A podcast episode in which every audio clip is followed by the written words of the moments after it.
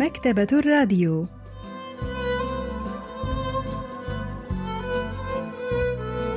أهلا وسهلا بكم في حلقة جديدة من البرنامج الأسبوعي مكتبة الراديو الذي نستعرض من خلاله كتابا جديدا كل أسبوع. واليوم سوف نستعرض قصة المدينة والشبح للكاتب إي هيو سوك. لحظات ونوافيكم بالتفاصيل.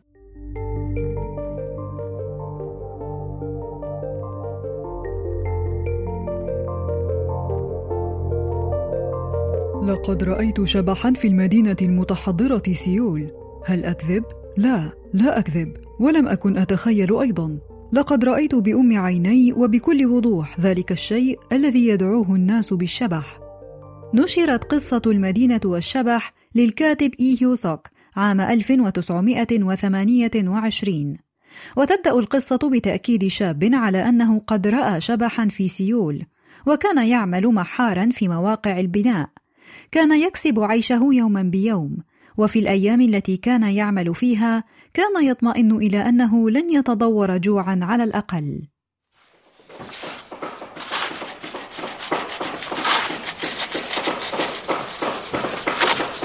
كنا نشعر بفخر كبير بقدراتنا المذهلة عندما كنا نرى الأسمنت الذي نضعه يتحول إلى حجرات متراصة كخلايا النحل. وعندما كانت أصواتنا تتردد عبر الطوابق الخالية كم كنا حمقى.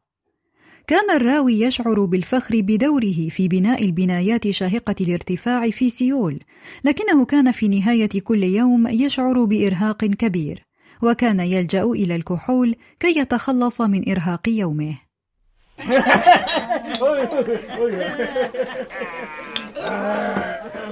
الكحول. لم يكن هناك ما هو أفضل من الكحول. كانت قوة الكحول هي ما تجعلني أنسى لحظيا على الأقل كل المتاعب التي كانت تعذبني وكل الإرهاق الذي لا يوصف. كان الراوي يتلقى أجره اليومي ثم يتوجه إلى الحانة حيث كان يشرب الكحوليات مع صديقه قبل أن يعود إلى المنزل. كان منزله عبارة عن قطعة أرض وجدها في معسكر للمشردين. وقد عرض عليه زميله في العمل أن يبقى معه لأنه لم يكن يريد العودة إلى حجرته التي تملأها البراغيث أيضا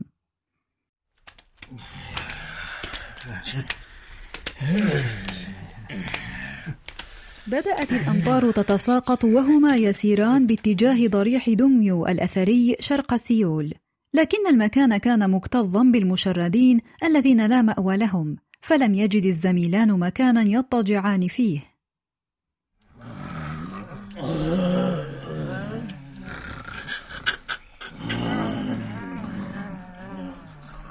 قال صديقه السيد كيم ماذا ستفعل؟ لنذهب. إلى أين؟ إلى الداخل. إلى أين نذهب في هذه الساعة من الليل؟ كل ما نحتاج إليه هو مكان نضطجع فيه. لكن هل تخشى أن يجدنا الحراس؟ لا تقلق سوف نستيقظ باكرا في الصباح ونغادر المكان فورا. وهكذا دفع الراوي زميله المعترض إلى داخل أرض الضريح.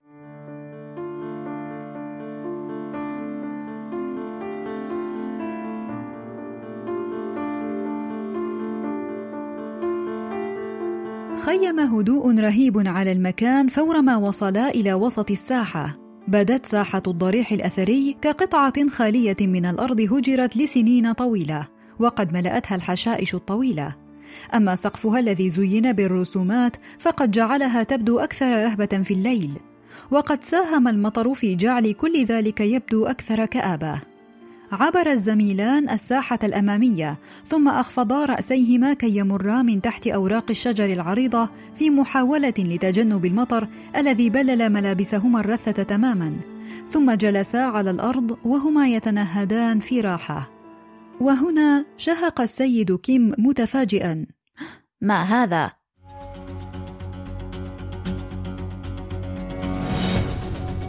تتبعت اتجاه إصبعه كي أرى ما يشير إليه. فدهشت بدوري. سرت القشعريرة في جسدي وشعرت بكل شعيرة في جسدي تقف. فعلى مقربة منا بعد عدة حجرات رأيت أضواء تومض. كانت الأضواء الزرقاء تتدحرج على الأرض ثم تقفز إلى الهواء. كما كانت تنطفئ فجأة وهي تطير في الهواء قبل أن تضيء من جديد. ثم تختفي وتضيء من جديد وهكذا. قلت هاها لقد خدعتني الحشرات المضيئة. ثم التقطت صخرة صغيرة وألقيتها باتجاه الحشرات المضيئة.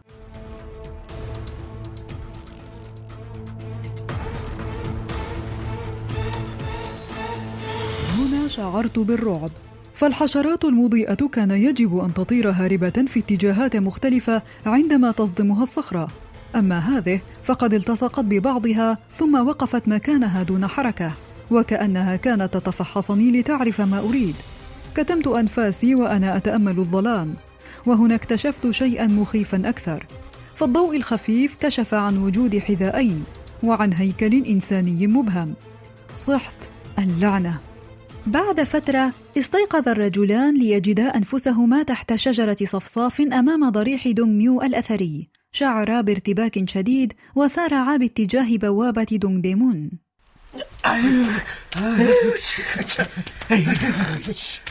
بمجرد أن وصلا إلى جدار دونغ ديمون سقطا على الأرض سقطة قوية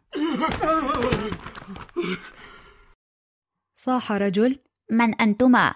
وصاح آخر انتبها انتبها إلى مكان جلوسكما وصاح الراوي ما هذا المكان؟ ألم نكن في سيول أم هذا مكان للغيلان؟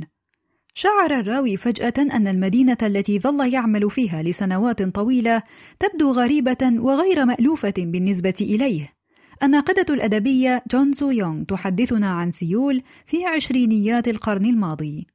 1920년대 일제 강점기의 경성에서는 자본주의화가 본격적으로 خضعت مدينة سيول التي كانت تسمى كيونغسونغ أثناء الاستعمار الياباني إلى عمليات تحديث على نطاق واسع في عشرينيات القرن الماضي وقد طورت حكومة الاستعمار الياباني المنطقة جنوب نهر تشونغي الذي يمر خلال العاصمة لأن معظم المواطنين اليابانيين كانوا يعيشون هناك. وقد أدار اليابانيون هناك مركزا للتسوق وعدة متاجر فاخرة ومشاريع ناجحة.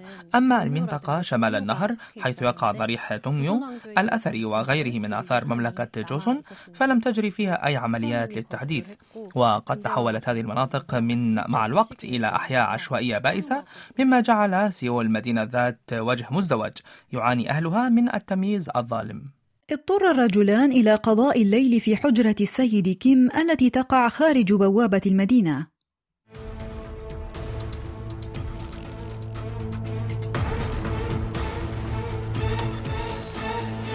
أخافتني الأشباح أو الغيلان مرتين في ليلة واحدة، ولا بد أن هذه التجربة قد سرقت من عمري بضعة أعوام، لكن من ألوم؟ هل ألوم نفسي لأنني شربت الكحوليات في وقت متأخر من الليل؟ أم ألوم حظي العاثر الذي تركني مشردا دون مأوى؟ أم ألوم الشبح أو الغول؟ أم شيء آخر؟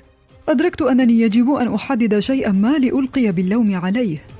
لم يستطع الراوي أن يدرك ماهية ما رآه في الليلة السابقة.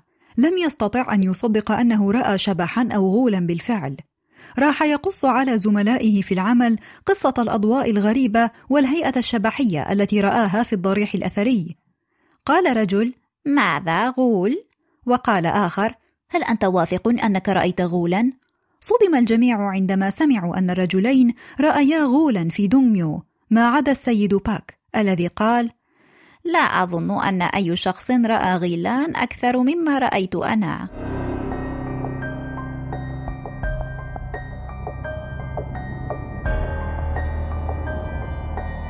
تابع الحديث قائلا يوجد منزل مهجور بجوار منزلنا مباشرة وقد انتقلت إلى منزلي من فترة ليست بالطويلة ولذلك لا أعرف القصة وراء ذلك المنزل القديم.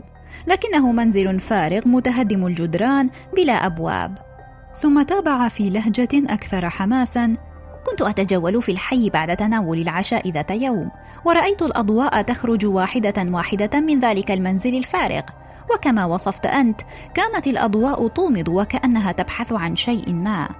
المدهش أن المزيد من الأضواء جاء ثم جاءت الأصوات بعد ذلك. أصوات كتبادل الحديث. سمعت من جانب صوت كصوت العملات المعدنية ومن الجانب الآخر صوت يشبه صوت احتساء الشراب وليس هذا كل شيء. في أحيان أخرى كنت أسمع صوت شيء ينكسر بالداخل يتبعه صوت صياح أو ضحك. سمعت الكثير من الأصوات العجيبة التي كانت تصدر من ذلك المكان ليلا. سأل الرجل الأول هذا صحيح؟ رد السيد باك قائلا بالطبع لكن يجب ألا تنخدع فهذه الغيلان لا تستقر في مكان واحد. اذهب إلى ضريح دونغميو أو جونغميو ليلا وسوف ترى الكثير منهم. القصة التي قصها السيد باك أثارت فضول الراوي أكثر حيال ما رآه في الليلة السابقة. لم يستطع أن يقاوم رغبته القوية في العودة إلى ضريح دونغميو في تلك الليلة كما أحضر معه هراوة كبيرة كي يستطيع أن يدافع عن نفسه إذا دعت الحاجة إلى ذلك.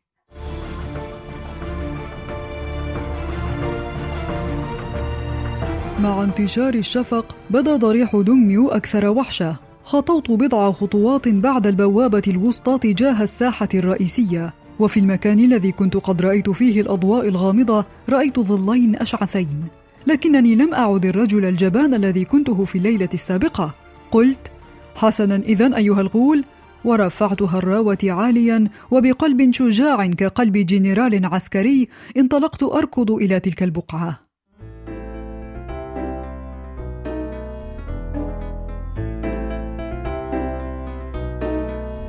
سقطت الهراوة التي رفعتها بكل ما أملك من قوة من يدي. فقد تحول الجنرال الشجاع إلى مهرج مجنون في لحظة لأن الغولين تحولا إلى متسولة وابنها المتسول بدوره.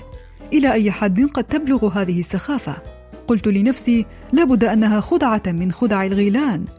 أما الشحاذان اللذان لم يكونا يعرفا أي شيء عما أقوله فقد ركعا على ركبتيهما وراحا يتوسلان إلي.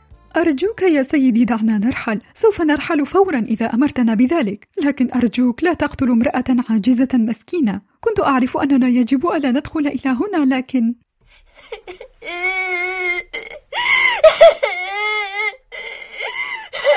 راحت المرأة تبكي وتعتذر وهي تحاول دون جدوى أن تقف على رجليها. كان طفلها الباكي يمسك بسترته بقوة.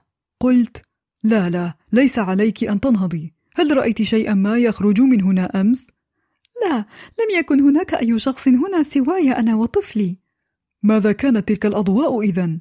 أخبرتك أنه لم يكن هناك سواي وطفلي رجلي تؤلمني كثيرا فحاولت أن أضع عليها بعض الدهان الشيء الوحيد الذي فعلته كان أنني أشعلت علبة كاملة من الثقاب وأنا أبحث عن الدهان كانت رجل المرأة في حال سيئة، فكان كاحلها مكسورا، وكانت ساقها نحيلة جدا، فبدت كغصن شجرة جاف، وبدأ أن الغرغرين قد بدأت تتكون تحت الجرح البشع. قالت المرأة: تلك السيارة اللعينة التي جعلتني قاعدة، فصرت عاجزة حتى عن كسب عيشي الآن. سيارة؟ نعم، لقد صدمتني سيارة أمام الحديقة.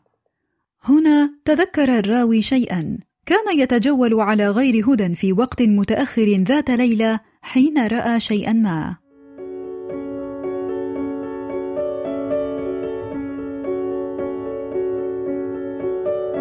كانت ليلة صيف جميلة، ولذلك عندما لمحت جمعا من الناس ملتفا حول شيء ما أمام الحديقة يتحدثون بصوت عال، لم أهتم بأن أتوقف لأتفقد سبب الجلبة. ظننت أنه لا بد أن يكون سكيرا ما، أو ربما عازف يؤدي عرضا موسيقيا في الشارع للسوق الليلية.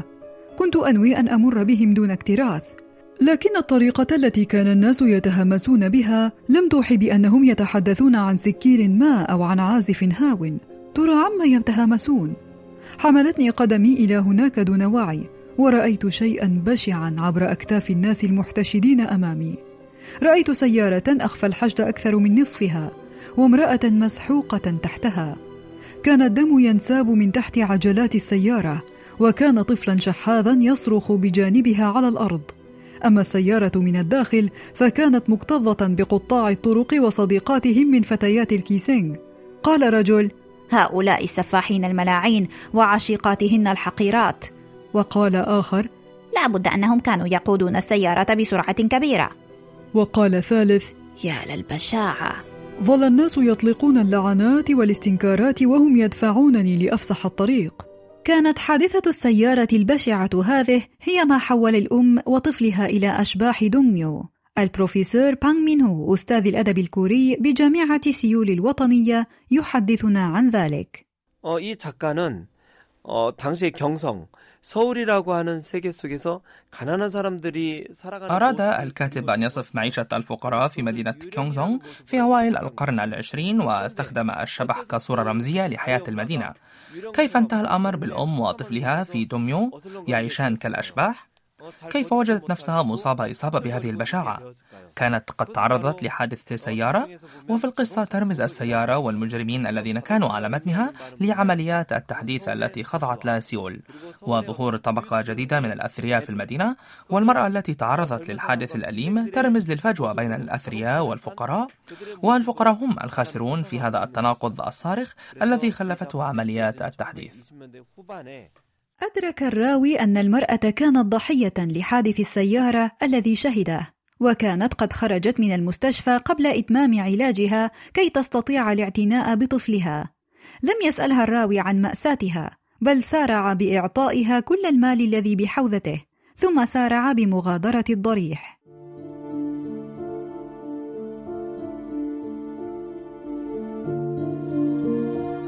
أيها القارئ، لا بد أنك تعرف الآن هوية تلك الأشباح. الآن أفهم بوضوح مغزى تعليقات السيد باك وضحكاته كلما ذكرت دوغميو أو جونغميو أو حتى ذلك المنزل المهجور الذي ذكره السيد باك والذي لم أزره قط.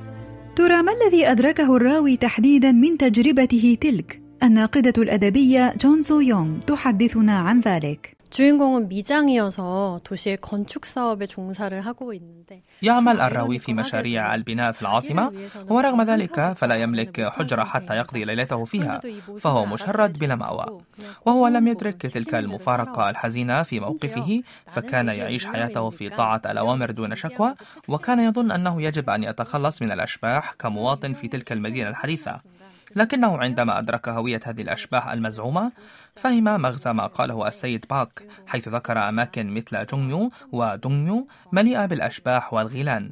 فهؤلاء الأشباح لم يكونوا سوى الكوريين الفقراء الذين حرموا من جميع المزايا والحقوق في ظل المشاريع الاستعمارية الرأسمالية. وفي واقع الأمر كان الراوي نفسه واحد من هؤلاء الأشباح.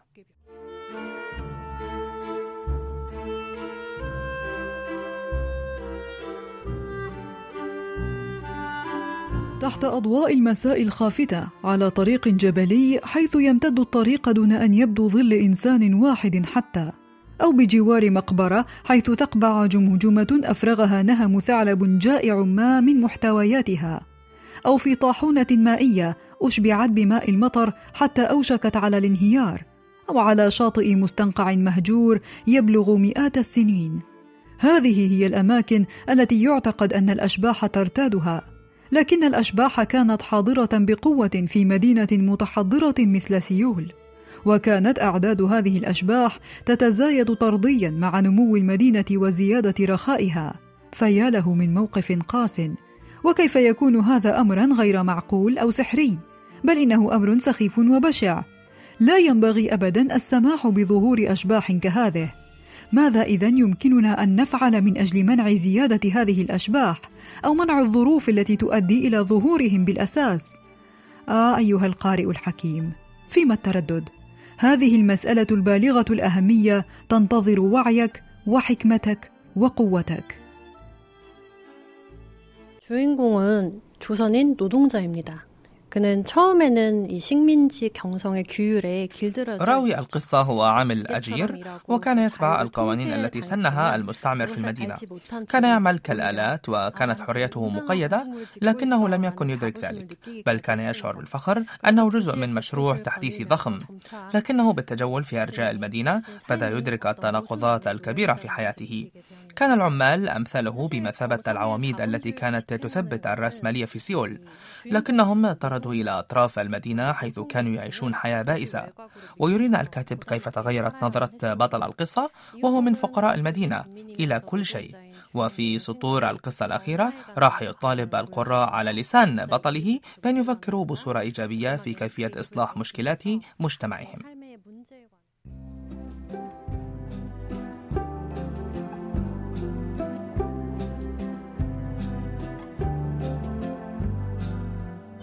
استعرضنا معا قصة المدينة والشبح للكاتب إي هيو سوك. وإلى اللقاء في الأسبوع القادم مع كتاب جديد ومبدع جديد.